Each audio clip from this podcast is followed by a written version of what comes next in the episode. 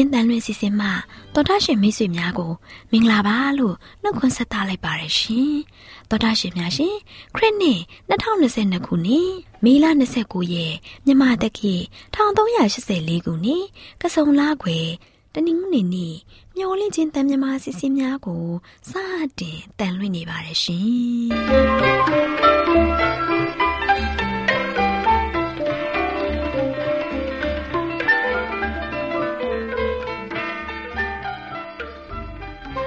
တော်တာရှင်များခင်ဗျာမျောလင်းချင်းအတန်မြန်မာအစီအစဉ်ကိုနက်နက်6နာရီမိနစ်30မှ9နာရီထိစကြောင်မီတာ kHz တစ်ခွန်ခွန်23ညညပိုင်း9နာရီမှ9နာရီမိနစ်30အထိ25မီတာ kHz 11943ညမှအတန်လွှင့်ပေးနေပါတယ်ခင်ဗျာဒီကနေ့တနင်္ဂနွေနေ့မှာထုတ်လွှင့်ပေးမယ့်အစီအစဉ်တွေကတရားဒေသနာဟောကြားခြင်းအစီအစဉ်ကျမ်းမာပျော်ရွှင်လူပေါင်းတွင်အစီအစဉ်စံပြအိမ်အောင်ရေးအစီအစဉ်တို့ဖြစ်ပါတယ်ရှင်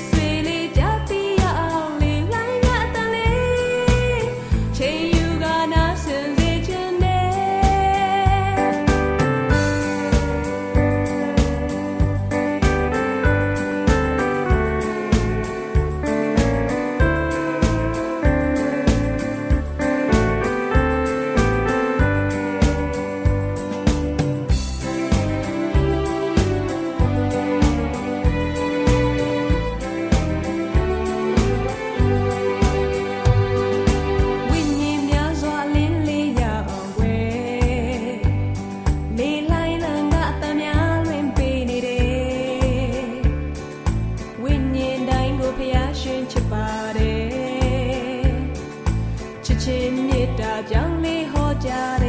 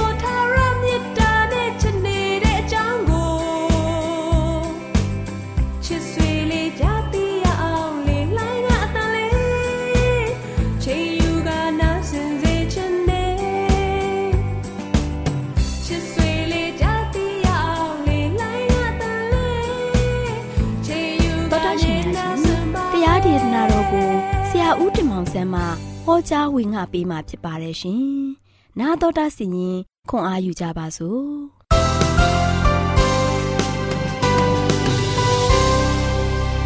ကျွန်စ်တော်တော်ရှင်ဓမ္မမိတ်ဆွေများမင်္ဂလာပေါင်းနဲ့ပြေဝဆုံနေကြပါစေဒီနေ့မင်္ဂလာရှိသောနေ့တစ်မှာဖရာသခင်ရဲ့ကောင်းမြတ်ခြင်းကိုကျွန်တော်တို့ခံစားရတယ်ဖရာသခင်ပို့ဆောင်ကောင်းချီးပေးမှုခံစားရပြီးတော့ဒီနေ့ဖရာသခင်ဓမ္မတော်ဝါများပြဆသောကောင်းကြီးမလားများလည်းဆက်လက်ပြီးတော့သွန်လောင်းခြင်းခံရပါစေလို့ဆုတောင်းဆန္ဒပြုခြင်းပါတယ် ဒီနေ့ကတော့ပေးသွားမဲ့သတင်းစကားကတော့မျိုးစေ့ကျဲတော်သူဤပုပ္ပမာ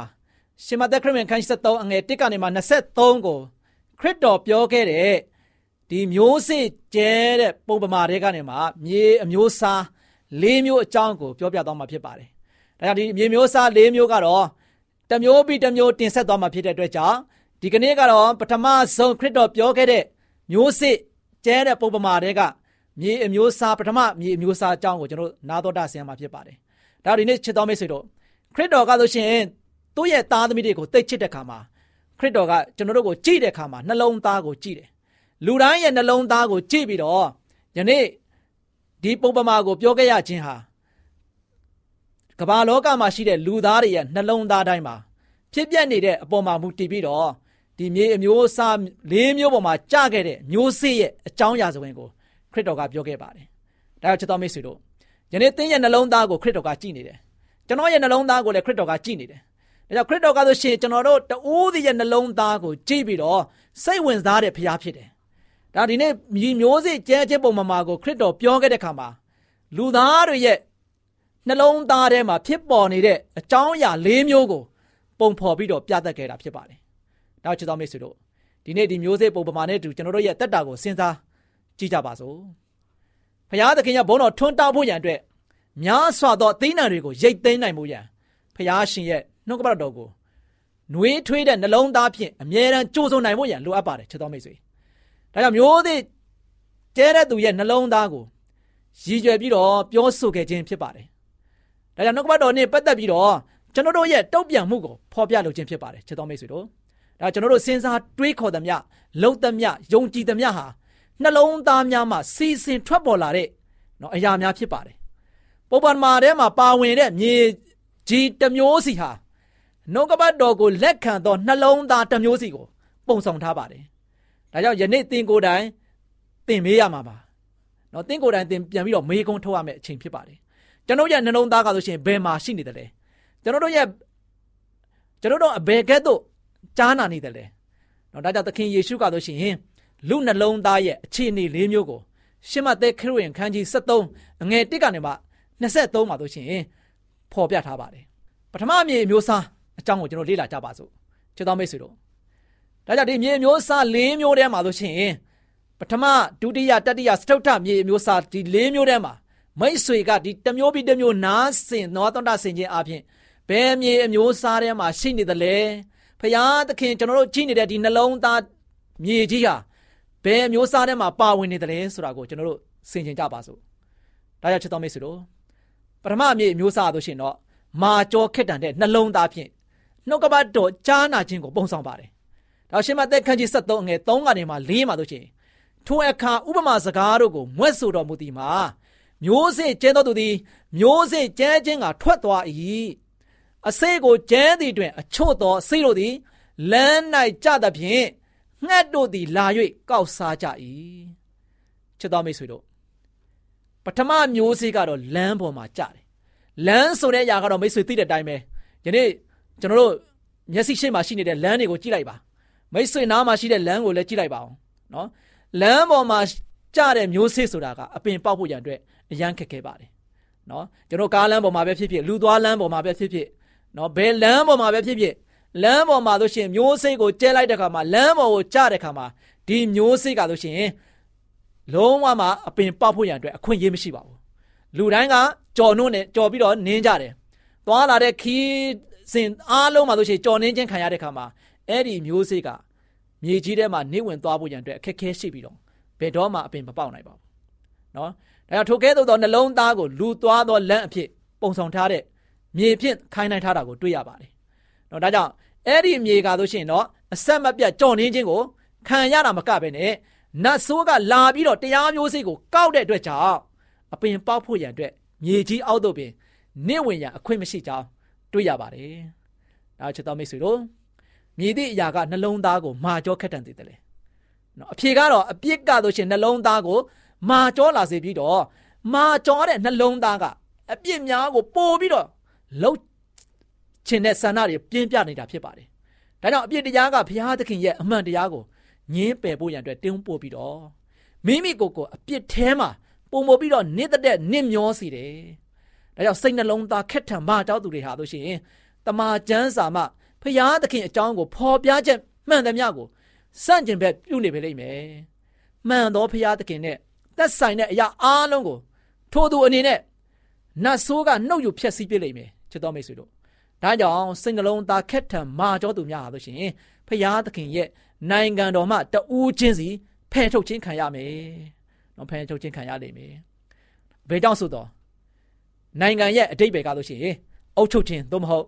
အုပ်ဆိုးခြင်းဖြစ်တယ်။အုပ်ဆိုးခြင်းဆိုတာကဖခင်ကအရာအားလုံးကိုအချုပ်အခြာထိန်ချုပ်စီမံကုတ်ကဲတဲ့သူဖြစ်တယ်။နော်။သို့ပေမဲ့လည်းစိတ်နှလုံးသားမာကြောသူတွေအနေနဲ့နော်ထိုအရာများကိုမနစ်သက်ကြဘူး။ သခင်ယေရှုအနေနဲ့ဖခင်သခင်ရဲ့နိုင်ငံတော်အကြောင်းလာရောက်ပြီးတော့ဟောပြောတည်တာမကဘဲနဲ့ဖခင်သခင်ကလူသားအားလုံးရဲ့စိတ်နှလုံးသားအပေါ်အုပ်ဆိုးပိုင်ခွင့်ရှိကြောင်းကြွေးကြော်ဟောပြောခဲ့ပါတယ်။သို့ပေမဲ့လည်းလူသားများလို့ရှိရင်မိမိတို့ကိုယ်တိုင်ဖျားဖြစ်ခြင်းနဲ့ဆန္ဒရှိကြတယ်နော်ကိုယ်ဆန္ဒအတိုင်းဆုံးဖြတ်ခြင်းကြတယ်လှုပ်ဆောင်ခြင်းကြတယ်ကိုယ်ဆန္ဒအတိုင်းပဲသွားခြင်းကြတယ်လာခြင်းကြတယ်ဖျားရဲ့အလိုတော်ကိုမဝင်ခံကြဘူးဒါကြောင့်ဖျားသခင်ရဲ့အလိုတော်ကိုဝင်ခံဖို့ရန်အတွက်လည်းစိတ်မရှိကြဘူး ဒါသူတို့လှုပ်ဆောင်ခြင်းနဲ့အရာများကိုသာလှုပ်ဆောင်ကြတယ်ဒါကြောင့်ဖျားသခင်ကိုအုပ်ဆိုးခွင့်မပေးလို့ဘူးဒါကြောင့်မာနစာတန်ဟာလို့ရှိရင်နှလုံးသားထဲမှာကောင်းတဲ့အရာအားလုံးကိုနှုတ်ယူဖျက်ဆီးဖြစ်တာဖြစ်ပါတယ်။ဒါကြောင့်အငယ်16မှာဆိုရှင်လမ်း၌အစိတ်ကိုကျဲခြင်းအကြောင်းအရာကနိုင်ငံတော်၏တရားကိုကြား၍နှလုံးမသွင်းသည်ရှိသောနတ်ဆိုးလာ၍နှလုံးထဲ၌ကျဲသောအစိတ်ကိုနှုတ်ယူသည်ဟုဆိုလိုသည်။ ဒါချစ်တော်မိတ်ဆွေတို့ဒီနေ့ပထမအမြည်အကြောင်းကိုကျွန်တော်တို့ကြားခဲ့တဲ့အခါမှာပထမအမြည်ကလမ်းဖြစ်နေတယ်။လမ်းအမြည်ဖြစ်နေတဲ့အတွက်ကြောင့်အစစ်မျိုးစေ့ကိုကြားတဲ့အခါမှာဒီမျိုးစေ့ကအပင်ပေါက်နိုင်ကောင်းပဲပေါက်နိုင်ဖို့ရန်အတွက်အခြေအနေကိုမရရှိခဲ့ဘူးယနေ့ချစ်တော်မိတ်ဆွေတို့ဖခင်သခင်ရဲ့အလင်းတရားအမှန်တရားကိုမိတ်ဆွေယခုကြားနေရတယ်မိတ်ဆွေယခုမှလို့ရှိရင်ကကားပေါ်မှာရှိတဲ့ဖခင်သခင်ရဲ့မှုတော်ဆောင်များလို့ရှိရင် နီလန်းပေါင်းမြောင်များစွာနဲ့မီဒီယာပေါ်ကနေမှတရားဒေသနာတွေကိုဟောနေတယ်မိတ်ဆွေတွေကိုတရားအစစ်မှန်တွေကိုပို့နေကြတယ်ဖခင်သခင်ရဲ့အမှန်တရားတွေကိုပြောနေကြတယ်ယနေ့မိတ်ဆွေကကြားနေရဲ့တန်းနဲ့လက်မခံဘူးမာကြောတဲ့နှလုံးသားနဲ့မိတ်ဆွေကတို့ချေခက်ထန်ကြမ်းတမ်းနေတယ်ဆိုရင်ချစ်တော်မိတ်ဆွေသင်စဉ်းစားဖို့ရန်အတွက်အချိန်တန်နေပြီယခုလိုချိန်နေမျိုးမှာမှသင်ကဘုရားသခင်ရဲ့အမှန်တရားကိုလက်မခံနိုင်ဘူးဘုရားကိုမသိနိုင်ဘူးဆိုရင်မိတ်ဆွေဘယ်တော့သွားသိတော့မလဲ အချိန်မနှောင်းခင်မှာတို့ရှင်မိတ်ဆွေရဲ့တက်တာကိုဆင်ခြင်ဖို့ရန်အတွက်အချိန်ရောက်နေပါပြီမိတ်ဆွေကလမ်းပေါ်မှာကြတဲ့မျိုးစိတ်မဖြစ်ဖို့အရန်ရည်ကြည့်တယ်ဖရာသခင်ရဲ့အမှန်တရားကိုနော်ဒီမှာဆိုရှင်လမ်း၌အစိတ်ကိုကျဲခြင်းအကြောင်းအရာကနိုင်ငံတော်၏တရားစကားကိုကြား၍နှလုံးမသွင်းသည်ရှိတော်တဲ့။ဒီနေ့ကျွန်တော်တို့ကနိုင်ငံတော်နဲ့ဖြောင်းမှခြင်းတရားကိုကြားနေရဲ့တန်းနဲ့ကျွန်တော်နှလုံးသားထဲမှာမသွင်းဘူးနှလုံးသားတကားကိုဖွင့်ပြီးတော့နားမထောင်တဲ့အခါမှာတဲ့ကျွန်တော်တို့နှလုံးသားထဲမှာဘာလို့ရှိနေတယ်။ စာတမဏတ်ရှိနေတယ်။စာတမဏတ်ကကျွန်တော်တို့နှလုံးသားထဲမှာကောင်းတဲ့အရာတွေတစ်ခုပြီးတစ်ခုကိုဖယ်ထုတ်ပြီးတော့သူဒီကနေမှမကောင်းတဲ့အရာတွေတစ်ခုပြီးတစ်ခုကိုသူ့သွင်းတဲ့ခါမှာယနေ့ငါရီဟူသောမမာနတွေတက်လာကြတယ်ငါပဲဆုံးဖြတ်မယ်ငါပဲလုပ်မယ်ငါပဲတတ်နိုင်တယ်ဆိုတဲ့အရာတွေနဲ့ကျွန်တော်တို့ကလွှမ်းမိုးချုပ်ကင်ထားတဲ့ခါမှာနောက်ဆုံးဖရားရဲ့နူးညံ့တိမ်မွေ့ခြင်းသဘောကိုကျွန်တော်တို့လက်မခံနိုင်ကြဘူးမာကြောခက်တန်တဲ့နှလုံးသားနဲ့ကျွန်တော်တို့ကပိုင်ရှင်ဖြစ်နေကြတယ်ဒါချစ်တော်မိတ်ဆွေတို့ ယနေ့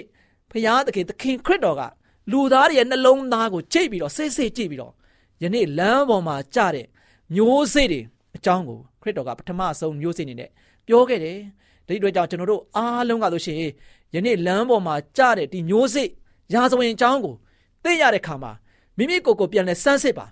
ငါနှလုံးသားကတကယ်ပဲလမ်းပေါ်မှာကြားတဲ့မျိုးစေ့ဖြစ်နေသလားငါနှလုံးသားကမာကြောပြီးတော့ခက်ထန်နေသလား ကိုကိုကိုတို့ပြန်လဲသုံးသပ်ပြီးတော့ယနေ့အမှန်တရားကိုရှာဖွေပြီးတော့ဖရာသခင်ရဲ့တမန်တရားတိုင်းအသက်ရှင်ကြပါစို့မကြာမီခရစ်တော်ဘုရားကြွလာတော့မယ်အသက်တောင်မှာဆိုကျွန်တော်ယခုချိန်ထိမပြောင်းလဲနိုင်သေးဘူးမှာကြောခက်တန်နေတယ်ဆိုရင်တနေ့မိတ်ဆွေကဘာဖြစ်သွားမလဲခရစ်တော်ရဲ့နိုင်ငံကနေမှဖယ်ထုတ်ခြင်းခံရမယ်အဲမှာမိတ်ဆွေပါဝင်မလားဒီနေ့ဒီမာကျောရဲ့နှလုံးသားကိုထုတ်ပြီးတော့ဖရာသခင်ထံကနေမှနူးညံ့တိမ်မွေ့တဲ့နှလုံးသားကိုရရှိပြီးတော့ သခင်ခရစ်တော်ယေရှုသခင်ကိုကျွန်တော်တို့ကယုံကြည်ကိုးစားပြီးတော့အသက်ရှင်ကြမလားယနေ့ကိုကိုသူဒီမေးခွန်းလေးနဲ့အဖြေပေးပြီးတော့အသက်တာမှာလို့ရှင်ရှင်တန်ကြပါစို့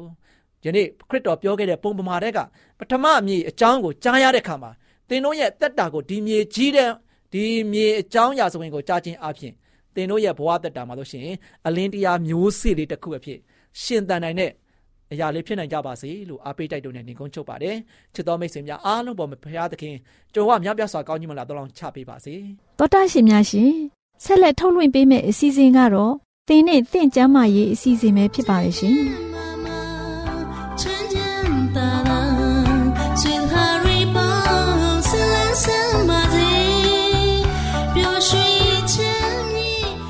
အရှင်လန်းစိတ်အေးချမ်းဖို့လူလားတောင်းတကြမှာပါ အခုအချိန်မှာကျမကြီးဘူတုတတိုးပွားများပြားစေဖို့တင်ပြပေးမှာကို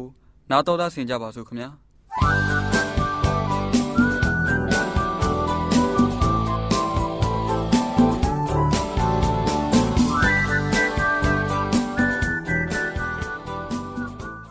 မျောလင့်ချင်းအတန်မြန်မာပိုင်းအစီအစဉ်ကိုနားတော်တာဆင်နေကြတဲ့တောတာရှင်အပေါင်းကိုစိတ်နှဖျားရှင်လန်းချမ်းမြေ့ကြပါစေရှင်တောတာရှင်များရှင်ယနေ့ကျမ်းမာခြင်းကဏ္ဍအစီအစဉ်မှာ အရေးပြားရဲ့တာဝန်အကြောင်းရဲ့ပထမအပိုင်းကို ကျမစုမူကတင်ပြပေးမှာဖြစ်ပါတယ်ရှင်။လူရဲ့ခန္ဓာကိုယ်မှာဆိုရင်အရေးပြားဟာမရှိမဖြစ်အရေးပါတဲ့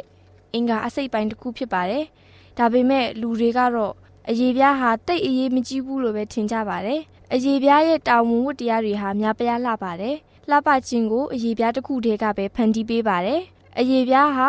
ကာကွယ်ပေးခြင်းအပူချိန်ထိန်းညှိပေးခြင်းအာယုံခံစားမှုပေးခြင်း ဗိုက်တမင် D ဆောက်လုပ်ပေးခြင်းတိုးလောင်ခြင်းစစ်ထုတ်ခြင်းစွန့်ထုတ်ခြင်းစုပ်ယူခြင်းတို့ကိုလှုပ်ဆောင်ပေးပါတယ်။ကာကွယ်ခြင်းမှာဆိုရင်တော့အရေးပြားဟာ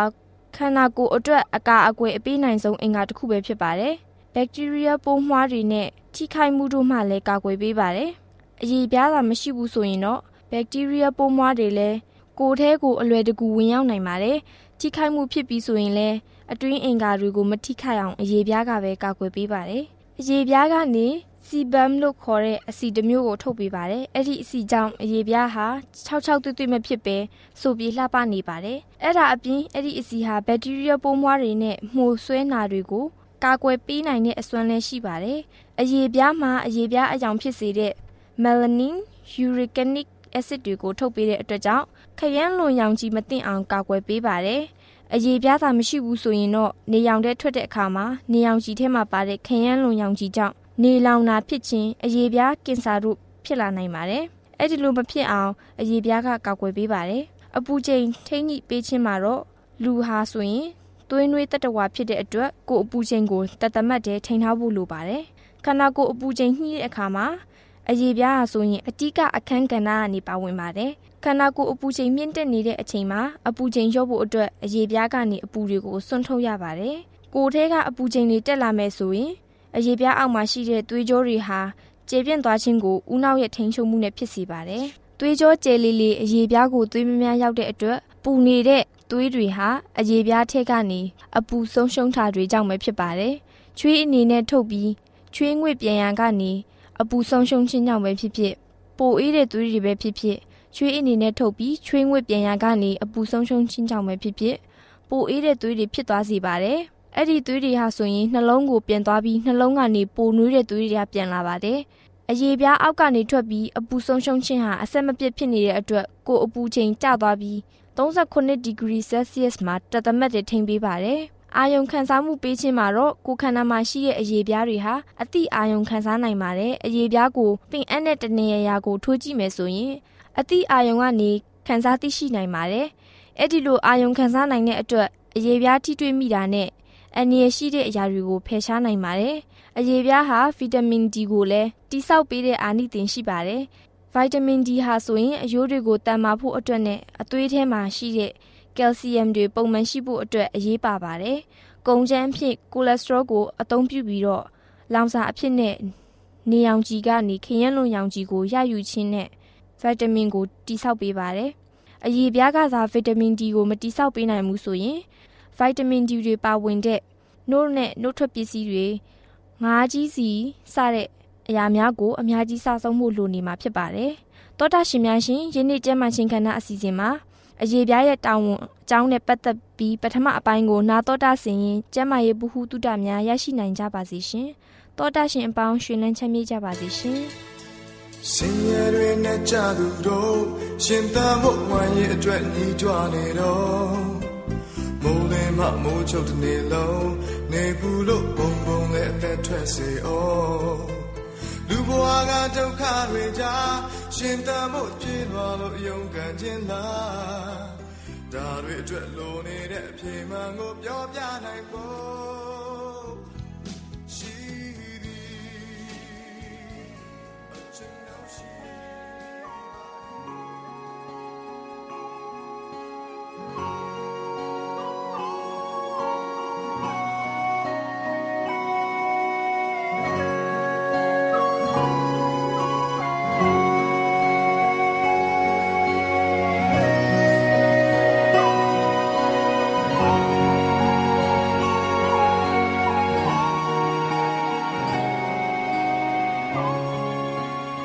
ရှင်များအားလုံးမင်္ဂလာပါရှင်။ခုချိန်မှာစံပြအိမ်အောင်ဆိုတဲ့စာအုပ်ထဲက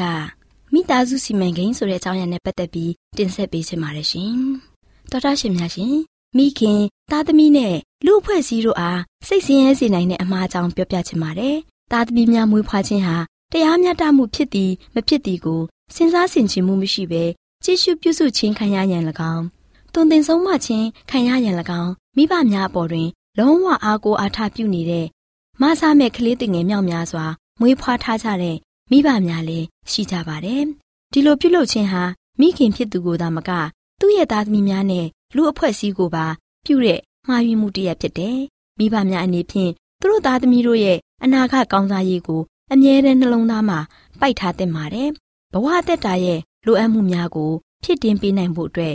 တနေကုန်တနေကန်ပြင်ပန်းကြီးစွာလောက်ကင်ဆောင်ရွက်ရတဲ့အခြေအနေမျိုးကိုမရောက်ရှိသင့်ပါဘူး။ အိမ်အောင်သားဥယေတိုးပွားအောင်မပြုမီသူတို့ရဲ့သားသမီးများမွေးဖွားခြင်းဟာဖျားသခင်ရဲ့ဂုဏ်တော်ကိုချီးမွမ်းရာရောက်သည်မရောက်သည်ကိုစဉ်းစားဆင်ခြင်သင်ကြပါတယ်။အိမ်အောင်ပြုပြီးတဲ့ပထမဦးဆုံးနေ့မှစပြီးအိမ်အောင်သက်တစ်လျှောက်လုံးမှာသူတို့ရဲ့အကျင့်လင်များဘဝဟာဖျားသခင်ရဲ့ဂုဏ်တော်ကိုချီးမွမ်းစေမဲ့ဘဝမျိုးဖြစ်စေရန်ကြိုးပမ်းတင်ကြပါတယ်။မိခင်ရဲ့ကျမ်းမာရေးကလည်းအရေးကြီးပါတယ်။မိဘများအပေါ်မှာကြီးလေးတဲ့တာဝန်ရှိမှုကြောင့်အိမ်တော်မှာသားသမီးများမွေးဖွားခြင်းဟာ အကောင်းဆုံးဖြစ်သည်မဖြစ်သည်ကိုတေချာစွာစဉ်းစားဆင်ခြင်သင့်ပါတယ်။သူမရဲ့သားသမီးများကိုကြည့်ရှုပြုစုရန်မိခင်မှာလုံလောက်တဲ့အင်အားရှိသလား။ဖခင်နေဖြင့်သားသမီးများအားမှန်ကန်စွာ ပုံသွင်းပေးခြင်းနဲ့ပညာသင်ပေးခြင်းများဖြစ်တဲ့အကျိုးကျေးဇူးတွေကိုဆောင်ရွက်ပေးဆွဲနိုင်သလား။ကလေးရဲ့ကံကြမ္မာကိုကြိုတင်စဉ်းစားဆင်ခြင်မှုဟာနှဲပါလာပါတယ်။ကိလေသာတက်မဲ့ခြင်းကိုသာအာသာဖြေဖို့အတွက်နှလုံးသွင်းထားကြတဲ့အတွက်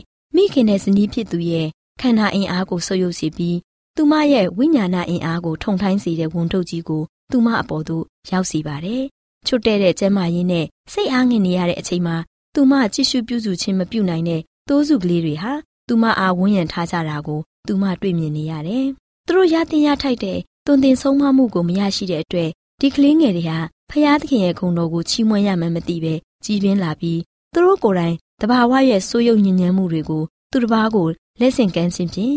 စာရန်စိတ်ကြိုက်ချဲ့လဲနိုင်တဲ့တက်စုတစုပေါ်ပေါက်လာတတ်ပါတယ်။ကလေးသူငယ်တိုင်းဟာတင်းလျော်စွာပညာများစည်းဘူးလေသူတို့အားကလေးသူငယ်အတိုင်းအဝန်းမှာခေါင်းဝင်ဆန့်နိုင်ဖို့တုန်တင်ဆုံးမတဲ့အခါမိခင်ရဲ့ခွန်အားနဲ့အချိန်ရရှိစေဖို့မိဘများတို့ဟာစင်ကျင်တုံတရားရှိတဲ့ပုံကိုများအနေဖြင့်လောက်ကင်ဆောင်ရွက်စီရန်ဖျားသခင်အလိုရှိတော်မူပါတယ်။သူမရဲ့သားသမီးတို့ဟာအိမ်အောင်တဲ့လူအဖွဲ့အစည်းအတွက်မင်္ဂလာတရားဖြစ်စေဖို့မိခင်ဟာ သူနဲ့ဆိုင်တဲ့ကဏ္ဍကိုစိတ်ထားမြင့်မြတ်စွာဆောင်ရွက်ဖို့ဖျားသခင်ကိုချစ်ကြောက်ယူတည်တဲ့စိတ်တဘောနဲ့သူမရဲ့လုပ်ငန်းကိုဆောင်ရွက်ရန်သူမမှာသူရတတိရှိရမယ်။ဇနီးဖြစ်ပြီးသားသမီးများရဲ့မိခင်ဖြစ်တဲ့သူဟာအချီးနှီးအလုပ်များနေမယ်ဆိုရင်စိတ်အားငယ်နေရတဲ့အခြေမျိုးနဲ့ရင်ဆိုင်စေဖို့မရှိစေဖို့ခင်မွန်းကလည်း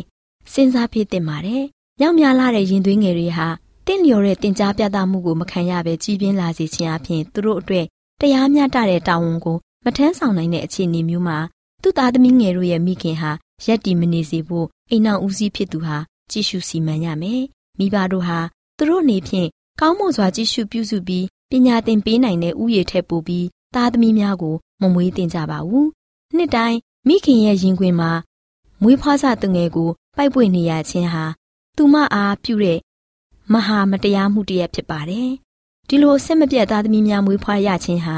လူမှုရေးဆိုင်ရာပျော်ရွှင်မှုကိုနေပါစေပြီးအများအားဖြင့်ဒီပျော်ရွှင်မှုကိုဖျက်ဆီးပြီးအိမ်တွင်းမှုဆိုင်ရာစိတ်ဒုက္ခကိုပုံမများပြားစေကြပါတယ်။သားသမီးဥယျာဉ်များပြားခြင်းဟာမိဘများကသူတို့ရဲ့တာဝန်အနေဖြင့်သားသမီးတို့အားပေးကမ်းအပ်တဲ့ထိမ့်သိမ်းကြည့်ရှုပြုစုခြင်းပညာသင်ကြားပေးခြင်းနဲ့ပျော်ရွှင်မှုဆိုတဲ့ခံစား권တွေရရှိခြင်းကိုလက်လွတ်စေတတ်ပါတယ်။နားဆင်ခဲ့ကြတဲ့တောတာရှင်များအားလုံးပေါ်ဖဖျားရှင်ကောင်းကြီးပေးပါစီရှင်။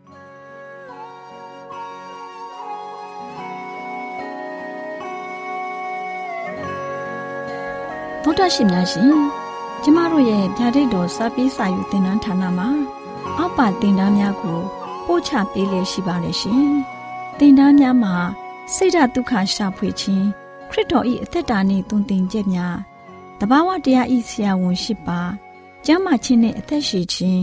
သင်နှင့်သင်ကျမ်းမာရေးရှာဖွေတွေ့ရှိခြင်းလမ်းညွန်သင်ခန်းစာများဖြစ်ပါရဲ့ရှင်တင်ဒားအလုံးဟာအခမဲ့တင်ဒားတွေဖြစ်ပါတယ် ဖြစ်ဆိုပြီးတဲ့သူတိုင်းကိုဂုံပြုလွှာချီးမြှင့်ပေးမှာဖြစ်ပါရဲ့ရှင်တော်တာရှင်များခင်ဗျာဗျာတိတော်အတန်းစာပေးစာယူဌာနကိုဆက်သွယ်ခြင်းနဲ့ဆိုရင်တော့ဆက်သွယ်ရမယ့်ဖုန်းနံပါတ်ကတော့39 656 296 336နဲ့39 98 316